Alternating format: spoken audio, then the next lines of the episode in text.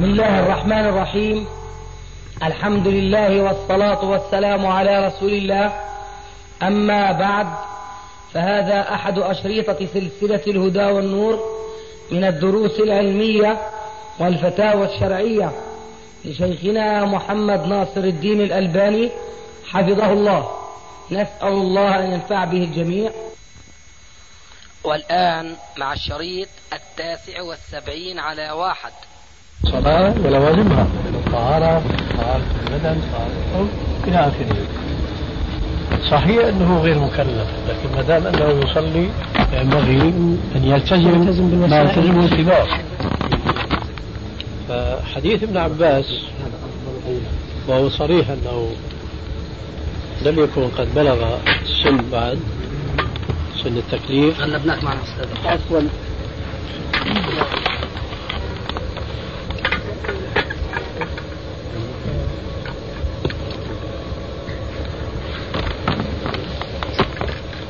الله يجزيكم الخير. غلبناكم معنا بالعكس.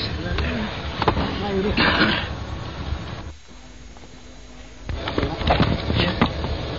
هنا شيخ يصح التحرك من الصف الثاني للصف الأول. إذا كان ضيق في فرجة يعني.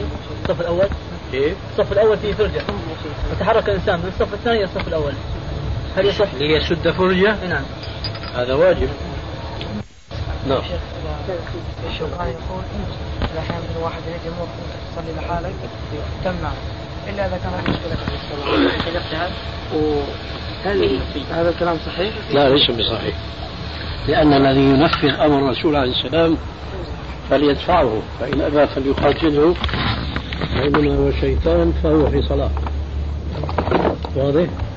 طيب. بالنسبة لهذا نفس الح- المقاتلة الأمر بالمقاتله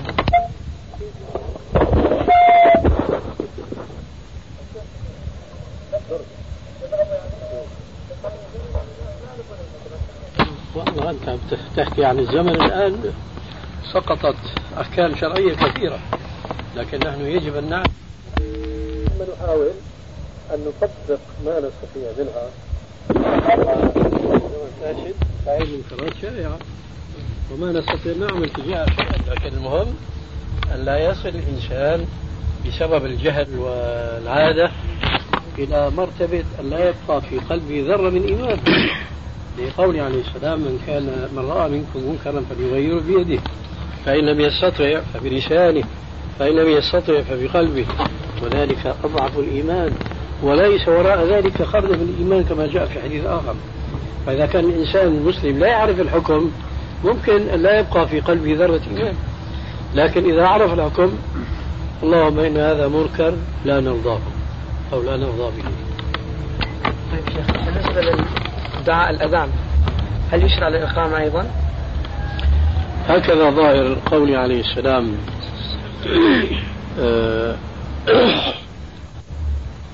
إذا سمعتم المؤذن فقولوا مثل ما يقول.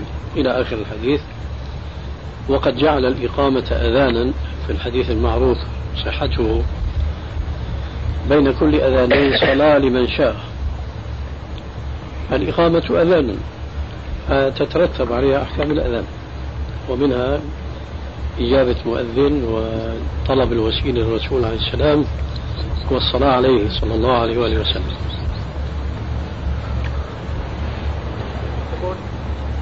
هناك بعض الأحاديث التي تكلم فيها في صحيح البخاري ومسلم ومنها ما قلتم بضعفها هل هذا الضعف يكون في السند أم أنه يرد الحديث مطلقا؟ هذا يختلف اختلاف الحديث. الأصل أن الضعف يأتي من السند. أحيانا يسلم المتن من النقد الذي يسميه البعض اليوم بالنقد الداخلي. لكن أحيانا يكون العكس تماما. السند يكون صحيحا لكن المتن يكون شاذا. مثلا مما يحضرني الآن الحديث الصحيح المعروف من رواية البخاري ومسلم أن النبي صلى الله عليه وآله وسلم قال سبعة يظلهم الله تحت ظله يوم لا ظل إلا ظله إمام عادل وشاب نشأ في طاعة الله إلى آخر السبعة ثم يقول ورجل تصدق بيمينه حتى ما تعلم شماله ما يمينه جاء هذه الفقرة جاءت في صحيح مسلم مقلوبة حتى ما تعلم يمينه ما أنفقت شماله.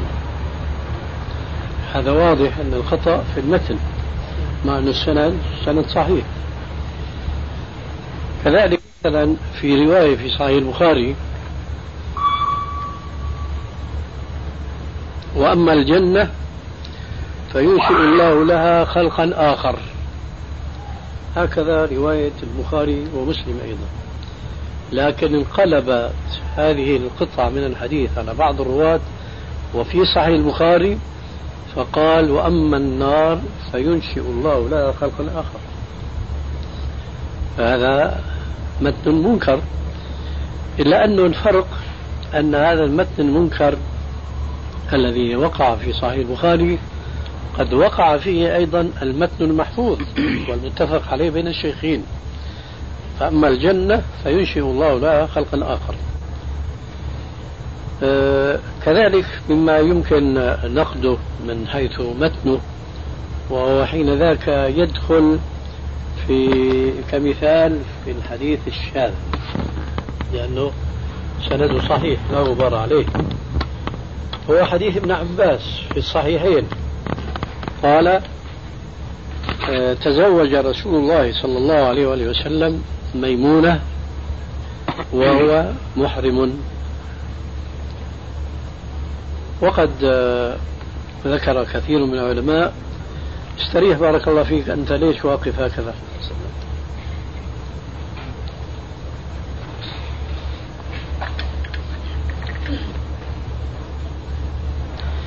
قد صح عن ميمونة نفسها من غير ما طريق واحد صحيح أن النبي صلى الله عليه وسلم تزوجها وهي حلال وهو حلال. إذا الرواية الأولى رواية غير صحيحة متنا لأنها تخالف رواية المسؤولة عن القضية والقصة أو رواية التي القصة تتعلق بها وهي ميمونة فقد صرحت بأن الرسول عليه السلام تزوجها وهو حلال وهي حلال. فيوجد مثل هذا لكن الحقيقة أن مثل هذه الروايات التي ثبت خطأها لا تخرج من مقام الصحيحين ولا يزالان في المرتبة التي يعرفها أهل العلم. وهي أنهما أصح كتاب على وجه الأرض بعد كتاب الله عز وجل. ولكن الأمر كما قال الإمام الشافعي رحمه الله أبى الله أن يتم إلا كتابه. وأنا أظن الله قصد السائل أنه إذا في حديث مثلا إذا في حديث يعني في صحيح البخاري وضعف من جهة سنده. هل يعمل بهذا المثل أم لا يعمل؟ مثل الحديث اللي ذكرته في آداب الزفاف في صحيح مسلم ذكرت أنه في في سنده ضعف هل يعني نستدل بهذا بمتن هذا الحديث أم لا نستدل؟ إذا وجد الشاهد يعمل وإلا فلا حتى لو كان في الصحيح أي نعم طيب يا شيخ نجد شيخ الإسلام ابن تيمية وغيرهم يستأنسون ببعض الأحاديث الضعيفة في بعض كتبهم فهل هذا الأمر يصح يعني؟ أو عندنا ما يصح. هم ربما يكون في حافظتهم الواسعة التي لا حدود لها. ربما يوجد فيها بعض الشواهد التي تقوي مضمون الحديث عندهم. وإلا فهذا أمر يؤخذ على كل المؤلفين الذين يذكرون بعض الأحاديث. وهي إذا ما رجع إلى أسانيدها تبين ضعفها. فلا يجوز ذكرها إلا مع بيان ضعفها لكن لعل لهم عذر كما ذكرنا أن يكون في حظهم يوجد شيء من الشواهد تقوي هذه الأحاديث التي ذكروها ولم يبينوا ضعفها طيب شيخ هناك بعض الطلبة يدرسون على مشايخ أشاعرة ومخرفين ولكن لا يدرسون العقيدة نفسها إنما يدرسون علوم أخرى مثل النحو والصرف والقرآن هل يجوز هذا؟ تنصح لهم يتركون؟ طبعا هذا لا يفيد شيئا. ولا تنابزوا بالألقاب. الذي يفيد هو أولا العلم الصحيح ثانيا المقترن بالنصيحة. والدين النصيحة كما تعلمون جميعا. أما هذا أشعري وهذا ما تريدي وهذا كذا هذا يفرق جماعة المسلمين ويوهي من شوكتهم لا قصدي شيخ بالنسبة يعني يدرس عليه علوم أخرى غير العقيدة ولا المنطق وكذا. هل يصح هذا؟ أو تنصح أن يبحث عن هو يدرس على مثلا شيخ مثلا السلام ورحمة الله وبركاته. أهلا مرحبا. الله يبارك فيك. أهلا أهلا. كيف حالك؟ أهلا. السلام عليكم وعليكم السلام ورحمة الله. كيف حالك؟ حياك الله ومتعنا طيب. سلامتك. كيف الوالد؟ نحمد الله اليك طيب. نحمد الله اليك الحمد لله. ما فهمت قصدك. أنا طالب علم لقي شيخ مثلا أشعري أو شيء مثل هذا. وهو مبتدئ. يريد يدرس عليه النحو أو الصرف. هل يجوز له هذا أو هل يصح من هذا الفعل أم يتركه؟ يعني يريد أن يدرس النحو والصرف عند هذا الشيخ تعني؟ نعم وهو مثلا أشعري؟ نعم مم. إذا كان هو متمكنا في العقيدة جاز نعم. وإلا فلا شيخ هناك بعض الجامعات في الخارج فيها نوع من الاختلاط هل يجوز الواحد مثلا يدرس فيها أو يعمل بهذه الجامعات أم لا لا أرى ذلك لا يجوز لا أن يدرس ولا أن يدرس. ما يحتاج تفصيل شيخ. نعم. ما يحتاج تفصيل إذا كان شخص يعني إن شاء الله ينفع الله به واثق إن شاء الله من نفسه. ما يحتاج الأمر بارك الله فيك إلى تفصيل. ينفرد بها لأنه- والكلاب والخوذة لأنه المسلم مكلف عن نفسه قبل غيره. نعم. إذا استطاع أحد ما أن يعطينا ضمانا بأن هذا المدرس الذي ينفع الله به لا يتضرر هو بحشره لنفسه في ذلك المجتمع الخليط كما يقولون عندنا بالشام خليط مليط لا. لا يتأثر فهو كما تقول تماما لكن أنا في اعتقادي أن الأمر كما قال عليه الصلاة والسلام في الحديث الصحيح ومن حام حول الحمى يوشك أن يقع فيه ولذلك ما أنصح رجلا يخشى الله أن يورط نفسه وأن يدخل هذه المداخل. أنجو بنفسك يا أيها الذين آمنوا عليكم أنفسكم لا يضركم من ضل إذا اهتديتم. والحقيقة أنا أعرف هذا الرأي لكثيرين من ال- الدعاة الإسلاميين وأعتبر هذا من ضبط الجو العصر الحاضر اليوم وفتنته الله إليك. حتى لو كان هذا العلم آه، مما يلزم للمسلمين أن يعلموه وليس بين المسلمين من يعلمه إلا إذا ذهب أحدهم من تلك الديار. إن كنت تعني بكلامك وما أظنه أن هذا العلم أو هذا التعليم من هذا الإنسان فرض عين عليه حين ذاك أقول معك بالجواز أحسن الله إليك جميل الأمر الآخر ماذا عن ال- التجارة متى الله؟ بك إيش هو؟ الذهاب للتجارة. الذهاب للتجارة لا بأس إذا لم يكن استيطانا ومقاما طويل الأمد. فإنه يتأثر أيضا. وماذا عن الاستيطان بقصد الدعوة؟ نفس الجواب السابق. نفس الجواب السابق. أيهما الأسبق أو أيوة. السابق؟ نعم يعني إذا كان هو يحكم على نفسه بأنه محصن وأنه لا يتأثر بتلك الأجواء فيمكن أن نقول بجواز ذلك في سبيل الدعوة. لكن نحن نرى الواقع إنما يذهب إلى تلك البلاد الشباب بينما الواجب أن يذهب الشيوخ الذين هم يعني بعيدين عن مظنة إيه ماذا أقول؟ الانحراف. نعم. الانحراف ال- أيوة الذي مظنة. الافتتان. الافتتان نعم. أيوة.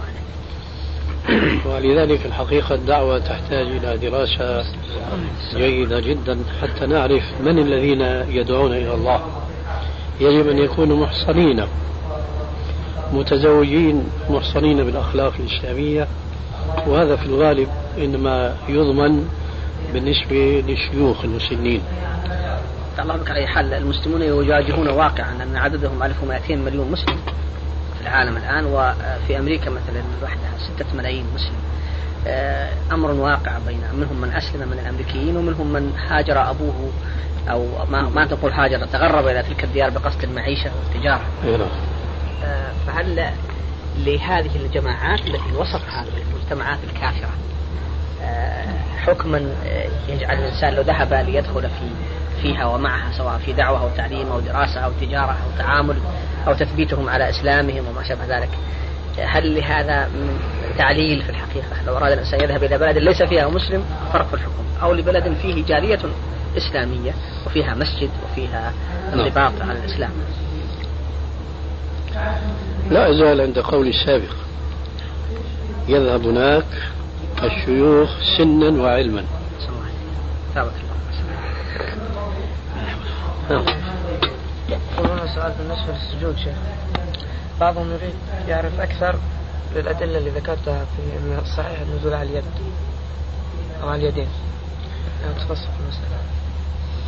ما في أدلة أكثر؟ هما حديثان. ما بلغنا كلام. بخصنا على التفصيل مثل صلاة النبي. كيف ما بلغ؟ ما قرأت صفة الصلاة. قرأته ولكن في إجابات على الأدلة الموجودة هنا في الكتاب إذا المسألة تحتاج إلى بحث ومناقشة. نحن نعتقد أن الصحيح الثابت عن النبي صلى الله عليه وسلم حين كان يسجد إنما كان يسجد على كفيه. وهنا حديثان. أحدهما من قوله عليه الصلاة والسلام والآخر من فعله. أما الحديث القولي فهو قوله عليه السلام إذا سجد أحدكم فلا يبرك كما يبرك البعير وليضع يديه قبل كفيه. أما الحديث الفعلي فهو ما رواه نافع عن مولاه ابن عمر أنه كان إذا سجد وضع يديه قبل ركبتيه وقال ابن عمر كان رسول الله صلى الله عليه وسلم يفعل ذلك. يقابل هذا حديث عاصم ابن كليب عن أبيه عن جده وائل أن النبي صلى الله عليه وسلم كان إذا سجد وضع ركبتيه قبل يديه. وكذلك كان إذا قام من السجود قام معتمدا على ركبتيه وأصابع رجليه. هذا الحديث في إسناده رجل معروف بالعلم والفضل والحكم في قضائه بالشرع واسمه شريك بن عبد الله القاضي ولكنه كان ضعيفا في الرواية كان سيء الحفظ. بعد القضاء. نعم. بعد القضاء أم قبل القضاء؟ لا هو وهو قاضي. نعم. وهو قاضي ما في هذا التفصيل. ولذلك يقول فيه الحافظ بن حجر العسقلاني تبعا للإمام الدار قطني لأنه ليس بالقوي. هذا الحديث لو لم يعارض بالحديثين الأولين السابقين لم تثبت به سنة لضعف إسناده من قبل شريك بن عبد الله القاضي. فكيف وقد عارضه حديثان ثابتان؟ كما قلت آنفا أحدهما من قوله عليه السلام والآخر من فعله. وهذا يبين ويوضح أن لا قيمة من الوجهة الفقهية لحديث وائل بن حجر لسببين اثنين أولا أنه ضعيف السند وثانيا أنه مخالف للصحيح من قوله عليه السلام وفعله. وبعد هذا البيان يمكننا أن نقول من حيث الاصطلاح الحديثي بأنه حديث منكر.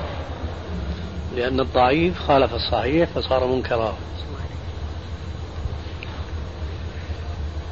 الذين يدفعون العمل بحديث القولي هم في الواقع آه، لا ينصفون البحث لأنهم حينما لا يستطيعون أن يفهموا الحديث كما جاء ولذلك ينصرفون إلى التشبث ببعض الروايات الضعيفة لأنهم يقولون البعير يبرك على ركبتيه. عفوا يبرك على يديه. أي نعم والحقيقة أنه يبرك على ركبتيه. هم بناء على فهمهم الخطأ. أي حين يقولون البعير يبرك على يديه فإذا سجد المصلي على يديه تشبه بالبعير. إذا قيل لهم أن الحديث صريح جدا حينما قال إذا سجد أحدكم فلا يبرك كما يبرك البعير رأسا أجاب فكيف ينبغي أن يسجد المصلي حتى لا يتشبه بالبعير؟ قال وليضع يديه قبل ركبتيه. يقول هؤلاء بأن هذا الحديث من قسم مقلوب أراد الراوي أن يقول وليضع ركبتيه قبل يديه فأخطأ وقال وليضع يديه قبل ركبتيه. أراد أن يقول ولا يضع. نعم. أراد أن يقول ولا يضع. ولا يضع يديه. لا لا. هم يقولون هكذا الحديث جعلوه من قسم المقلوب نعم. إذا سجد أحدكم فلا يبرك كما يبرك البعير وليضع يديه قبل ركبته. هكذا الحديث صحيح. جاء الحديث بالرواية التي هم يستأنسون بها. وليضع ركبتيه قبل يديه. جاء الحديث هكذا في مصنف ابن أبي شيبة. والإمام ابن قيم الجوزي رحمه الله ذكر هذا الحديث واعتمد عليه في ادعاء الانقلاب في الحديث الأول. لكن سبحان الله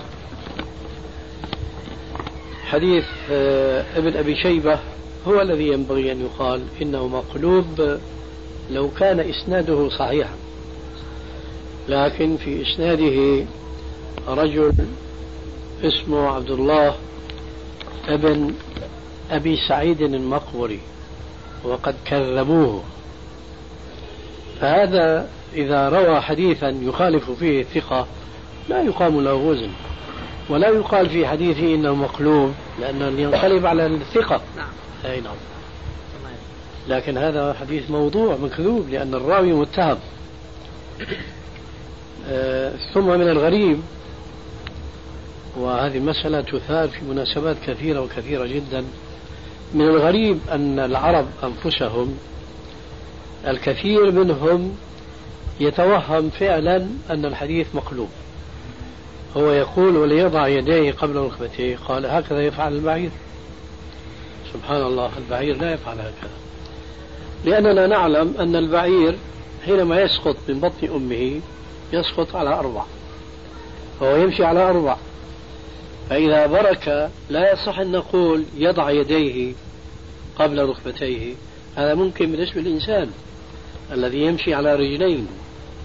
أما بالنسبة للبعير الذي يمشي على أربع لا يمكن أن يقال في حقه يضع يديه قبل ركبتيه.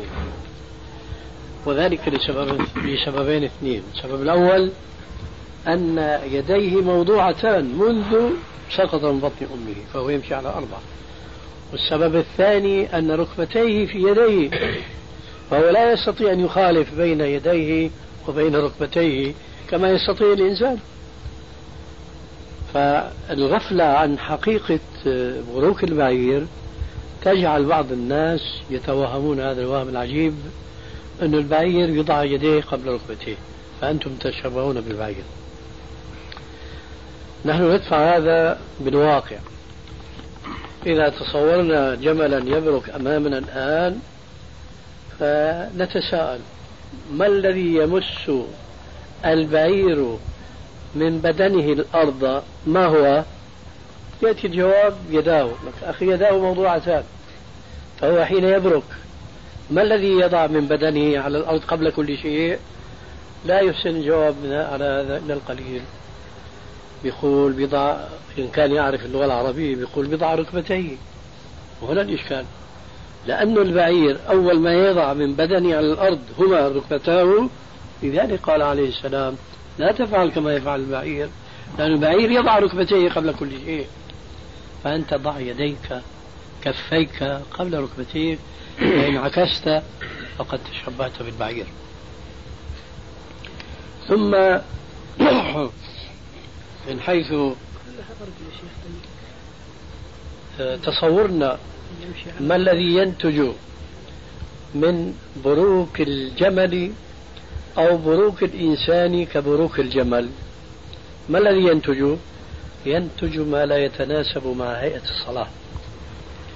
البعير حينما يبرك لا سيما إذا كان مثقلا بالأثقال يشعر الإنسان الذي هو قريب من الأرض التي عليها البعير حينما يبرك برجة تحت قدميه لأنه برك على ركبتيه. كذلك نلاحظ تماما بالنسبة للمصلين الذين يبركون بروك الجمل تسمع لسجودهم رجة خاصة في بعض المساجد في البلاد الباردة كسوريا مثلا. يكون أرض المسجد مفروشا بالخشب لدفع البرودة. فتسمع صوتا عجيبا جدا حينما يبركون على ركبهم. عليكم السلام ورحمة الله وبركاته.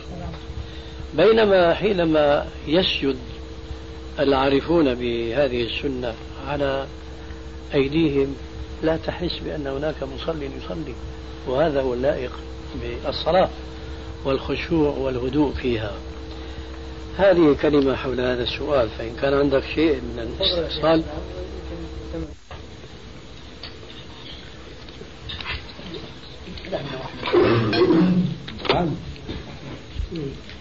حينما تظهر العلة ومنها الشذوذ لا يقال هذا إسناد صحيح. مبدئيا يقال صحيح. لما تنكشف العلة وتظهر العلة تذهب الصحة بذهاب العلم ببيان العلة. فمن شروط صحة الحديث أن لا يكون شاذا. فإذا ثبت شذوذه ثبت ضعفه. أي أن أحد الرواة وهم نعم. أكل طعامك أبواب صلت عليكم الملائكة وأفطر عندكم الصائمون يا رب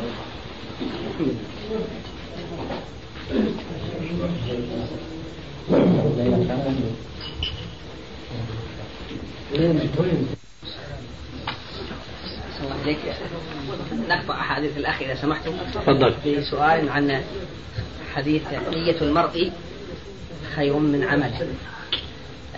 الحديث الحقيقة منهم من يقول لا يصح ومنهم من يقول يصح بطرقه. وأنه على أربعة عشر طريقة. ماذا تظن هل البحث في هذا؟ أنا علمي أن الحديث ضعيف لا يصح. أما أن له من الطرق ما ذكرت فهذا اليوم المرء أسمع. ذكرها ذكرها وذكر أن البيهقي ذكرها. عشر طرق؟ آه، أربعة عشر. ذكر لذلك الشيخ حماد وقال إيه. إنه حديث العهد بهذا البحث وتعجبت من تصحيحه إلى الحديث. كنت أنا الذي أعلمه إلى هذه الساعة أن الحديث ضعيف. ضعفه الحافظ العراقي في كتابه المشهور بتخريج أحاديث الإحياء المغني عن حمل الأسفار في الأسفار بتخريج ما في الإحياء من الأخبار. هو حديث ضعيف والأسانيد يوم المرء أسمع ذكرها ذكرها وذكر أن البيهقي ذكرها. عشر طرق؟ آه، أربعة عشر. ذكر لذلك الشيخ حماد. وقال إيه. إنه حديث العهد بهذا البحث. وتعجبت من تصحيحه إلى الحديث كنت على أنا الذي أعلمه إلى هذه الساعة أن الحديث ضعيف. ضعفه الحافظ العراقي في كتابه المشهور بتخريج أحاديث الإحياء المغني عن حمل الأسفار في الأسفار بتخريج ما في الإحياء من الأخبار. هو حديث ضعيف والأسانيد التي وقفت عليها يعني هي أسانيد شديدة الضعف نعم. فما أعلم أحدا من المتقدمين قواه. المعنى صحيح. لا ما أعتقد أنه على إطلاقه. كيف يمكن أن يكون معناه صحيحا؟ لأننا كما تعلمون في الحديث الصحيح إذا هم أحدكم بالأمر أو لا الحديث يقول الله لملائكته إذا هم عبدي بعمل فلم يعمله فاكتبوا له حسنة. وإذا عمله فاكتبوا عشر حسنات إلى مئة حسنة إلى سبعمائة إلى أضعاف كثيرة. والله يضاعف لمن يشاء. فالنية لا تقبل التضعيف. إنما العمل المقترن بالنية الصادقة الصالحة فهو يقبل التضعيف إلى ما شاء الله. حديث تفضل. رجل آتاه الله يقول لو أن الله آتاني مالا لعملت به كما عمل فلان. وهكذا في العلم فهما في الأجر سواء. هذا القصد أنه المعنى. ما يدخل في هذا؟ لا. هذا لا يدل على ما تذهبون إليه.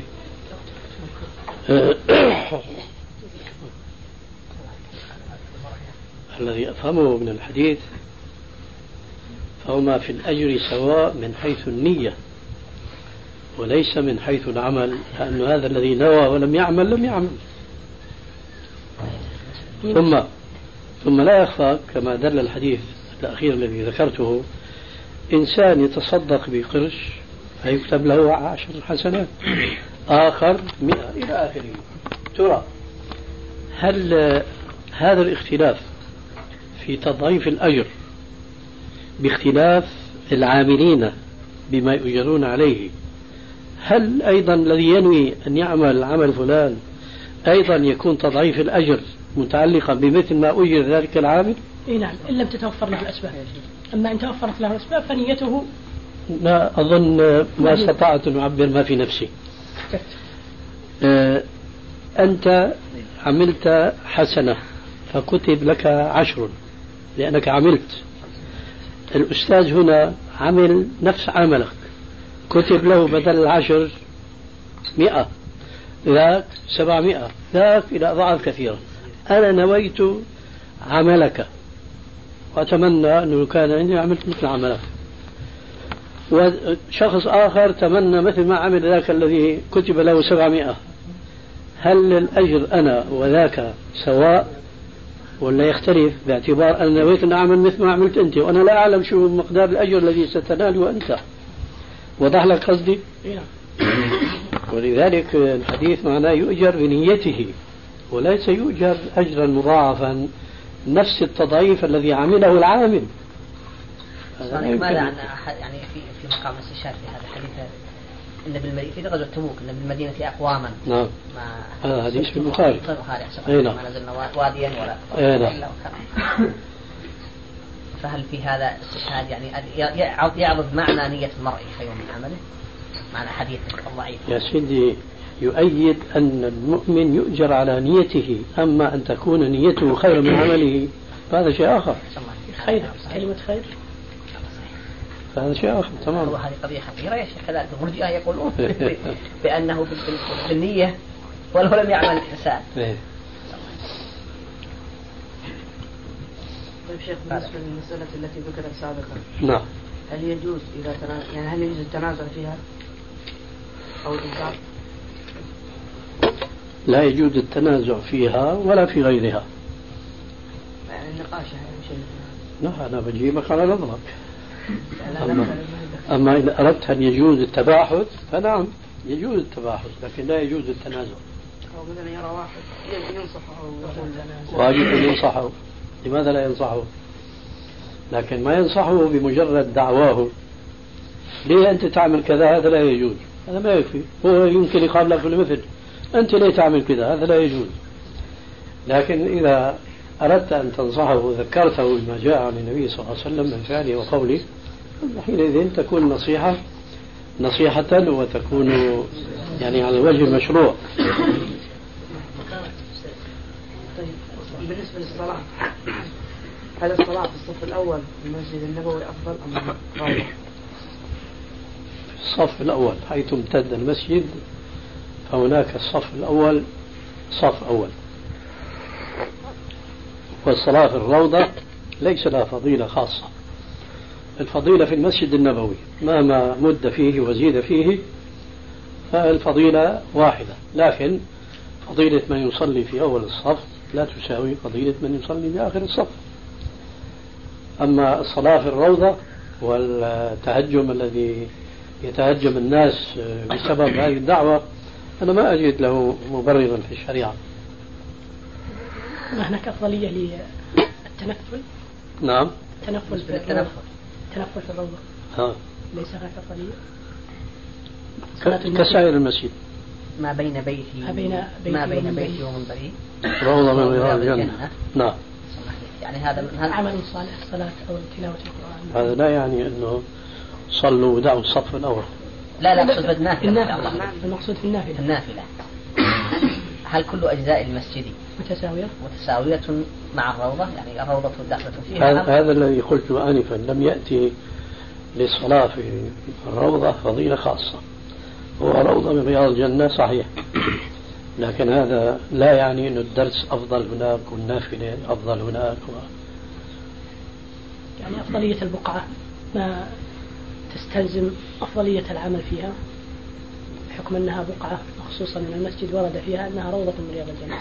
فالذكر فيها وتلاوة القرآن والصلاة ليست, النافلة. ليست نصا في ذلك.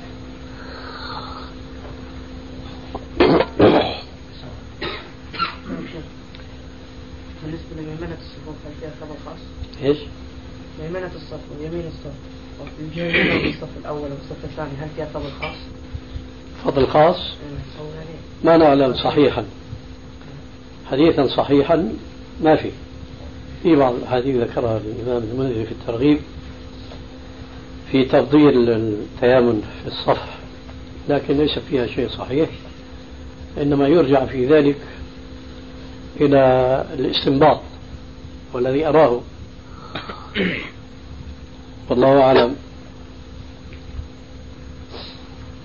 أن تفضيل ميمنة الصف يؤدي إلى تعطيل شمال الصف والذي نعرفه من السنة الصحيحة من حديث جابر وجبار حينما جاء جابر واقتدى به عليه السلام عن يمينه ثم جاء جبار فوقف عن يساره فدفعهما الرسول عليه السلام هكذا وجعلهما صفا من خلفه. فنأخذ من هذا الحديث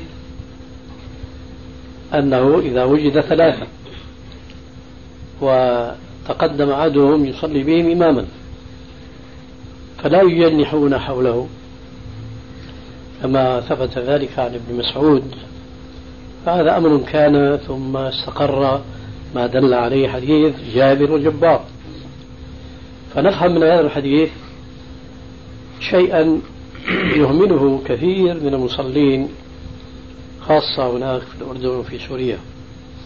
يأتي أحدهم فيجد الصف الأول قد تم فيصف حيث بدا له. حيث. يمكن هناك مع الجدار الغربي أو الشرقي والإمام هنا في الوسط. ثم تجد الناس كما يقولون عندنا في بلادنا هات إيدك وامشي.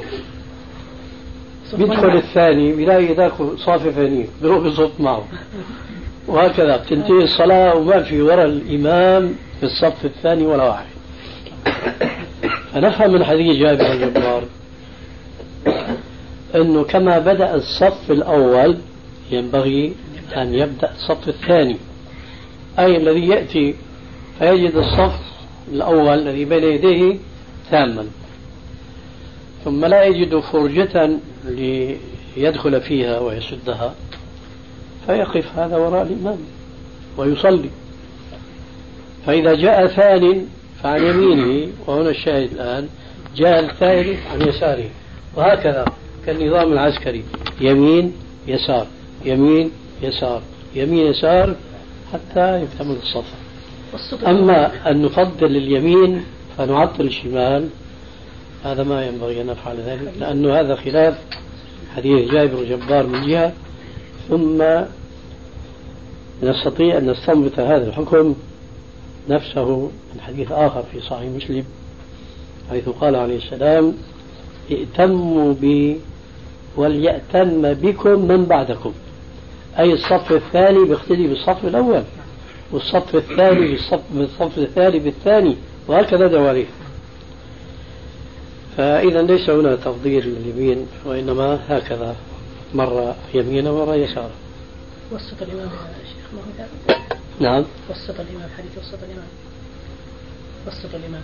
حديث وسط الإمام ضعيف السند. نعم وهو في ضعيف سنن داود. إلا أنه جريان العمل بين المسلمين يؤكد هذا المعنى نعم. هل يلزم طالب العلم تقليد الأئمة الأربعة؟ في بداية طلب العلم؟ طبعا أنت تقصد تقليد أحد الأئمة الأربعة. ولا تقليد الأربعة مشكلة نعم. يلزمه ولا يلزمه؟ يلزمه إذا كان يعيش في مجتمع لا يجد فيه من يفتيه على كتاب الله وعلى حديث رسول الله صلى الله عليه وسلم لأن هذا هو الأصل. كما قال تعالى فاسألوا أهل الذكر إن كنتم لا تعلمون.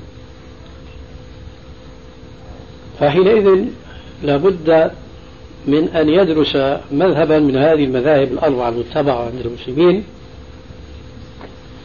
وأن يمشي على هداهم بشرط أن لا يلتزم ذلك التزام المسلم الصادق لسنة نبيه صلى الله عليه وسلم ليثبت الفرق في نفسه بين إيمانه بعصمة نبيه وإيمانه بعدم عصمة إمامه. فإذا بدا له بلغه بطريق ما أن مسألة من المسائل التي درسها في مذهبه تخالف سنة صحيحة. حينئذ يدع قول المذهب الذي درسه لاتباعه لحديث الرسول صلى الله عليه وآله وسلم. ولا يفعل كما يفعل المقلدة نحن أعلم من الإمام. لا لسنا أعلم من الإمام لكن أنت حينما أخذت بالحديث وقد أخذ به إمام من أئمة المسلمين. ففي هذه الحالة أنت خير مما لو ظللت على تقليدك لأنك في الحالة الأولى تقلد إماما في الحالة الأخرى تتبع إماما زايد سنة هذا خير له.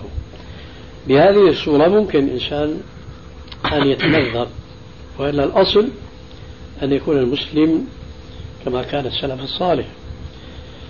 لقد كان فيهم علماء كبار كالخلفاء الأربعة مثلا ومع ذلك لم يوجد في الصحابة وفي التابعين ومن بعدهم من المهتدين بهم من قال أنا مذهبي بكري وذاك يقول عمري وثالث عثماني ورابع علوي. لم يكن شيء من هذا. إنما كان هديهم فاسألوا على إن كنتم لا تعلمون. من عرفوه عالما سألوه وتمسكوا بفتواه غير ناظرين شو رأي فلان يا ترى. هذا ليس من الشرف في شيء أبدا. لعلي أوضحت الجواب. يعني شيخ بالنسبة خطأ يقولون أنا حنبلي أنا شافي خطأ هذا. هذا الخطأ يأتي ليس من قوله إذا كان صادقا أنا حنبلي يعني درست الفقه الحنبلي. أنا شافعي درست الفقه الشافعي. ليس فيه خطأ لكن إذا تعصب كما ذكرت آنفا تعصب للإمام على خلاف السنة التي تبينت له يكون خطأ. يروى شيخ. أيها أستاذي نعم. معكم عشر دقائق يا أخواننا وبعدين تسمحون لنا بالاستراحة. في أحد عنده سؤال؟ ولو عن كتبكم متع الله بكم الله يبارك فيك. ولو عن كتبكم الجديدة وما آه. سيأتي منها ويطبع وما هو تحت الطبع. الآن تركت في عمان ليطبعوا الفهارس للمجلد الثالث من سلسلة الأحاديث الضعيفة. الكتاب طبع. إلا الفهارس الآن الفهارس تطبع.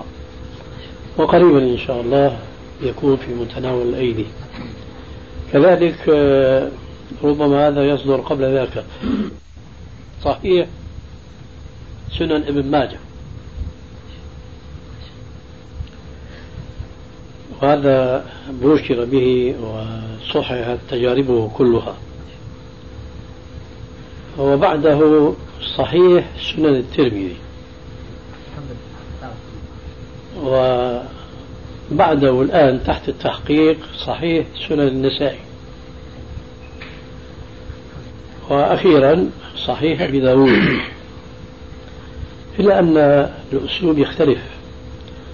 فأنا في صحيح داود جريت فيه على التوسع في تخريج الحديث والكلام على رواته وعلى طرقه إن كان بحاجة إلى دعم بها. أما صحيح ابن ماجه صحيح النسائي وصحيح آه، الترمذي كذلك صحيح أبي داود فسلكت فيها مسلكي في صحيح الجامع الصغير. يعني أعطي المرتبة وبجانبها المصادر التي استقيت منها هذه المرتبة. إلا أني توسعت هنا في ذكر المصادر أكثر من صحيح الجامع وضعيف الجامع.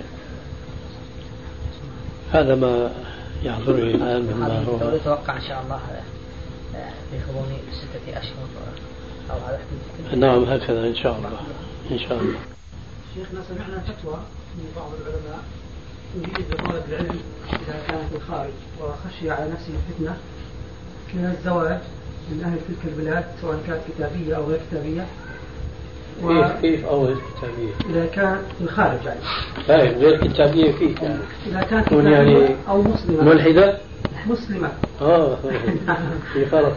مسلمة بالكشايه يعني. طيب. فالبعض يقول يعني يعني إذا كان ينوي طلاقها يجوز له الزواج منها مع نية وإضمار الطلاق في نفسه. مم. نعم. هذه المسألة الحقيقة تطرح كثيرا وأنا لا أكاد أفهم ثمرة هذه النية لأنه معروف من الناحية الإسلامية أن المسلم حينما يتزوج المرأة التي أجاز الشارع الحكيم له التزوج بها. يعلم بأن هناك حكم شرعي اسمه الطلاق وأن المسلم يجوز له أن يطلق الطلاق الشرعي سواء نوى أو ما نوى. وأنا أعتقد أن هؤلاء الشباب الذين يبتلون بالسفر إلى بلاد الكفر والضلال هؤلاء كثيرون منهم تزوجوا وعادوا إلى بلادهم ومعهم زوجاتهم ولماذا؟ لأنهم رأوا منهن ما يسرون به من خدمة من تفهم للإسلام من أخلاق حسنة إلى آخره ويقابل هؤلاء طائفة أخرى تزوجوا ثم فارقوا لأنهم لم يجدوا فيهن إلا قضاء الشهوة البهيمية هذه فقط. فلماذا الإنسان يتزوج وينوي الطلاق؟ هل إذا تزوج ولم ينوي الطلاق ثم أراد أن يطلق لا يجوز له الطلاق طبعا لا. لا أحد يقول بهذا. فأنا أنصح أن الشباب يتزوجوا من بلاد إسلامية خير لهم. لأنه إحنا بنشوف النساء في البلاد الإسلامية فيهن كثير أو قليل من الانحراف فماذا نقول عن الأجنبيات والكافرات اللاتي عشنا وربينا في مجتمع متحلل؟ ما يعرفون هناك شيء اسمه العرض ما يعرفون شيء اسمه الشرف. حتى حدثني بعضهم ممن يعلم أو يعرف اللغة الفرنسية أنه لا يوجد في قاموس الفرنسيين ما يرادف كلمة شرف. ما في عندهم شرف. الشاهد فليتزوج من المسلمة من أي بلد كان ذلك خير. لكن إن كان ولا بد فتزوج. فليتزوج كما يتزوج المسلمون جميعا. إن رأى فيها ما يرضيه أمسكها وعاد بها إلى بلاده. وإن رأى خلاف ذلك فيجوز له أن يطلق هذه النية لا ثمرة لها فيها في اعتقادي وإن كنت أعتقد أنه إذا نوى لا يكون في حكم إيش المتعة. نعم. لكن النية تدندن حول المتعة تماما. لكن ما في ضرورة. أنا سمعت من بعض الناس أنهم سمعوا فتاوى أنه يجوز المسلم أن يتمتع في تلك البلاد. للضرورة.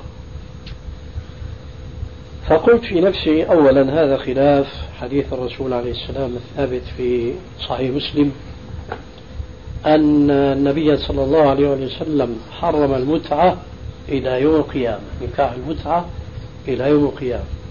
فهذا تحريم أبدي وليس تحريما زمنيا وقتيا. هذا هو السبب الأول ما في داعي يتزوج زواج المتعة. والسبب الثاني ما ذكر آنفا لماذا يتمتع؟ يتزوج زواج شرعي. ثم إذا بدا له أن يطلقها طلقها وكفى الله المؤمنين قتال. هذا رأيي في المسألة والله أعلم. أستاذنا في شيء ثالث من اللي ذكرته من الاثنين أنه في من الرجال بيجلسوا في هذيك البلاد وبنسوا أهاليهم في هذه ال هذا الاستيطان في بلاد الكفر نعم هذا منهي عنه طبعا. المسلم والمشرك لا تتراءى نارهما قال عليه السلام. المسلم والمشرك لا تتراءى نارهما أي لا يتجاوران. وذلك لأن المسلم إذا عاش في جو الكفر قد يتشرب شيء من عاداتهم ومن تقاليدهم من حيث لا يشعر. نعم. جرت لي واقعة. سافرت مرة إلى بريطانيا مع الشيخ محمد عبد الوهاب البنا. وكان يومئذ شهر الصيام رمضان. قيل لنا في قرية بعيدة عن لندن يمكن نحو 200 كيلومتر أن هناك شاب هندي متدين متزي بزي الإسلام ملتحي فأثنوا عليه خيرا فقصدناه. وجلسنا على مائدة الطعام الإفطار. فرأيته قد عقد العقدة هذه اللي يسموها الجافيت فتحدثت مطولا في موضوع قوله عليه السلام من تشبه بقوم فهو منهم. وذكرت ما كان يحضرني يومئذ من الأحاديث التي تنهى عن التشبه بالكفار. خلق الله. فوجدت الرجل قد استجاب فورا مع أنه يتعشى ورماها أرضا. بقدر ما سررت من هذه الاستجابة السريعة أسفت حينما سمعت كلامه حول هذه القضية حيث قال أنا والله يا أستاذ إنما أضع هذه فقط لأنه هنا البريطانيين ينظرون إلى إخواننا الفلسطينيين نظرة احتقار لأنهم لا يضعون الجرافيت هذه ويضعوا القميص هكذا مفتحا زر. فينظرون إليه نظرة احتقار لكي لا ينظر الأوروبيون إليه هذه النظرة هو وضع هذا العقال. قلت له سبحان الله يعني أنت تتأثر بذوق البريطانيين الكفار وتضع الجرافيت هذه متشبها بهم وتأبى أن تشبه بإخوانك المسلمين. فالشاهد أن الاستيطان في بلاد الكفر في محاضير كثيرة جدا وأظن هذا أمر معروف حيث في أمريكا يوجد الآن. بسم الله الرحمن الرحيم. من سلسلة الهدى والنور أجوبة على أسئلة عبر الهاتف. آه، سيدي الشيخ بالنسبة للطلاق. نعم. ما هي الأسباب الشرعية الموجبة للطلاق؟ الأسباب الشرعية الموجبة للطلاق هو قصد الرجل قبل كل شيء للطلاق. فإذا كما قال تعالى فإن عزموا الطلاق فإن الله من بعدها لغفور رحيم. فإذا نوى الطلاق وتلفظ به وأشهد على ذلك بعض الناس نفذ الطلاق ولكن هناك طلاق سني وطلاق بدعي. والطلاق السني هو الواجب والطلاق البدعي هو المحرم. ومن الطلاق السني الذي يقابله الطلاق البدعي أن يطلقها وهي طاهر غير حائض. وطاهر لم يمسها فيه. فإذا طلقها وهي حائض فهو آثم. وإذا طلقها وهي طاهر وقد جامعها فيه فهو آثم. فينبغي أن يلاحظ الطلاق السني حتى لا يكون آثما عند الله. القصة باختصار يا حبيبي أنا ما عندي وقت كلمة وطاها ماشي بسيطة سيدي. إيه، هلا بالنسبة خلاف بسيط بين أهلي وأهل العروس أنا كاتب كتابي بس بدون دخول. والوالدة مصرة إني أطلق وعلما ما في شيء سبب شرعي يبيح الطلاق. مجرد خلاف على أمور بسيطة جدا تافهة. إجهاز وحفلة وما حفلة. شو رأي الشرع بهذه القصة؟ هل أطيع والدتي؟ أطلق. ما أرد على والدتي وما أطلق. والدتك ملتزمة؟ إيه، تصلي لكن ليست ملتزمة الالتزام كامل. وأنت متعلق بالبنت؟